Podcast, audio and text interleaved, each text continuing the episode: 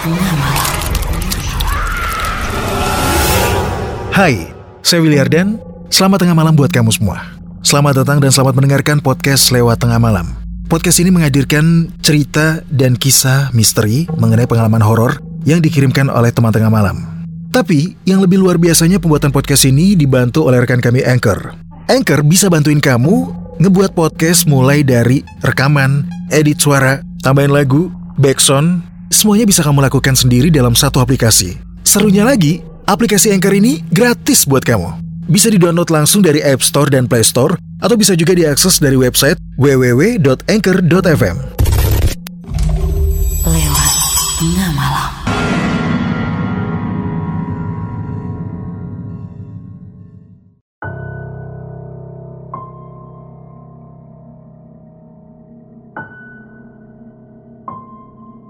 Selamat tengah malam, selamat datang kembali di podcast Lewat Tengah Malam bersama saya Willy Ardan.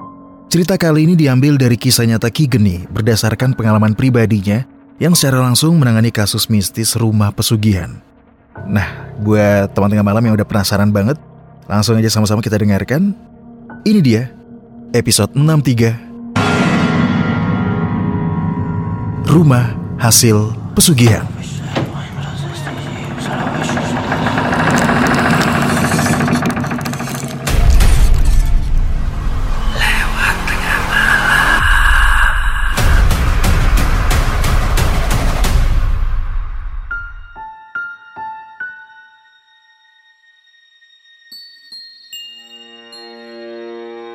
Berbagai cara terkadang nekat dilakukan seseorang untuk mendapatkan apa yang dia inginkan secara instan, tanpa memperdulikan konsekuensi di masa depan. Kemewahan biasanya menjadi godaan yang paling sulit ditolak manusia. Ya meskipun harus dimiliki dengan jalan pintas sekalipun. Pesugihan pun kadang dipilih agar bisa mendapatkan segala harta benda lewat cara yang cepat alias instan. Tapi siapa sangka, hal tersebut justru menjadi sebuah petaka seperti yang dialami oleh sebuah keluarga yang berada di kota X.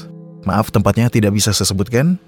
Dan hal itulah yang akhirnya mengharuskan seorang praktisi supernatural bernama Ki Geni Seketi membantu untuk memecahkan misteri yang menimpa keluarga tersebut.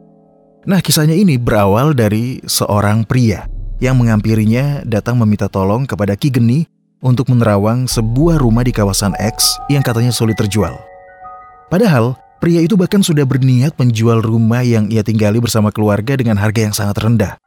Dari hasil obrolan yang cukup panjang, mereka pun sepakat untuk survei langsung ke lokasi dan melihat dengan jelas apa sebenarnya yang terjadi.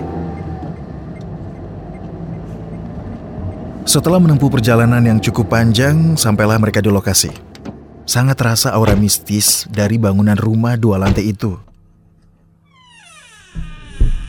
Pada saat Ki Geni memasuki rumah itu, dia langsung mendapatkan sambutan dari dua sosok makhluk halus berwujud seorang nenek dan sosok tinggi besar di sudut-sudut rumah.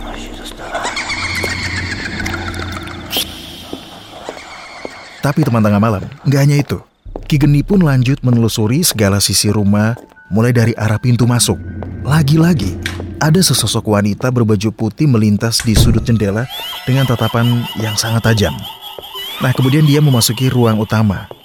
Ruang di lantai bawah dan juga ke bagian atas yang sudah mulai terlihat rusak lembab bahkan terasa pengap. Ki Geni mulai mencium adanya bau keanehan setelah melihat adanya sebuah ruangan yang diduga sebagai tempat untuk pemujaan atau melakukan ritual khusus.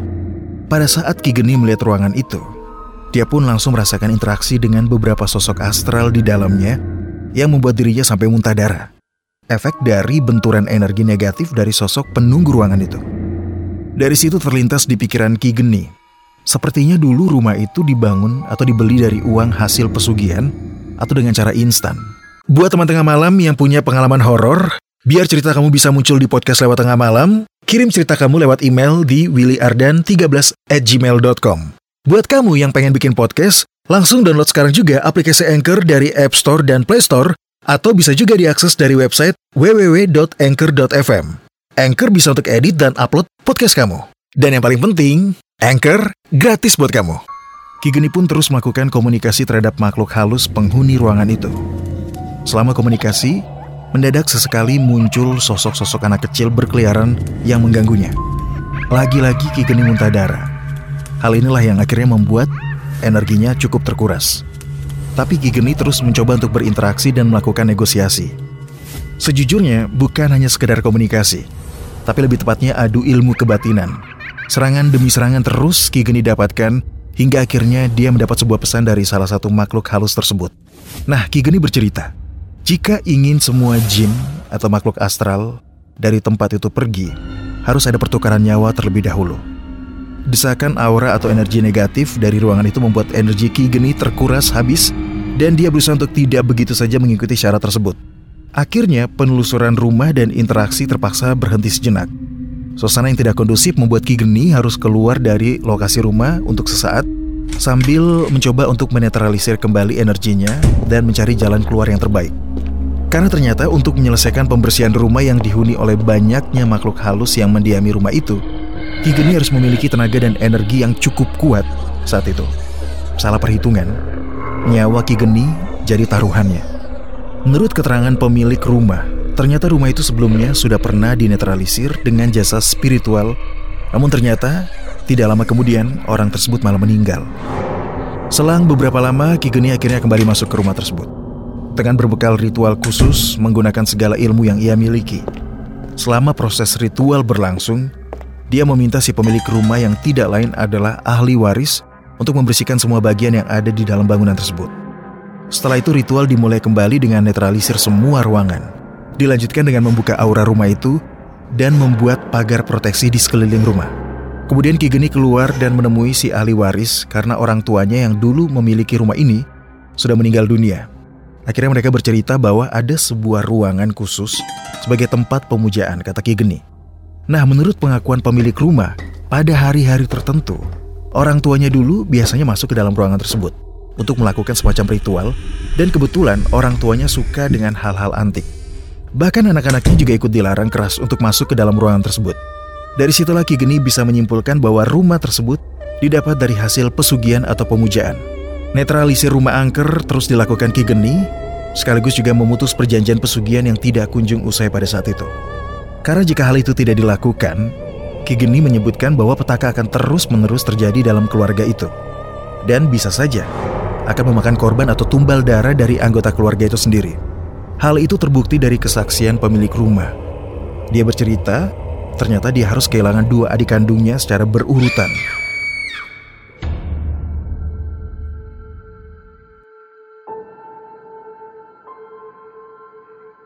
Dia pun tidak mau lagi kehilangan anggota keluarganya tanpa sebab begitu saja. Ritual kembali dilanjutkan Ki Geni hingga tujuh hari berturut-turut. Dan akhirnya rumah tersebut bisa bebas dari ikatan makhluk penunggu rumah. Kabar terakhir yang Ki Geni dengar, akhirnya rumah tersebut berhasil dijual. Ki Geni juga berpesan sesuatu yang didapatkan secara instan tidak akan berakhir bahagia. Sama dengan pesugihan. Awalnya memang terasa nikmat, tetapi berujung maut.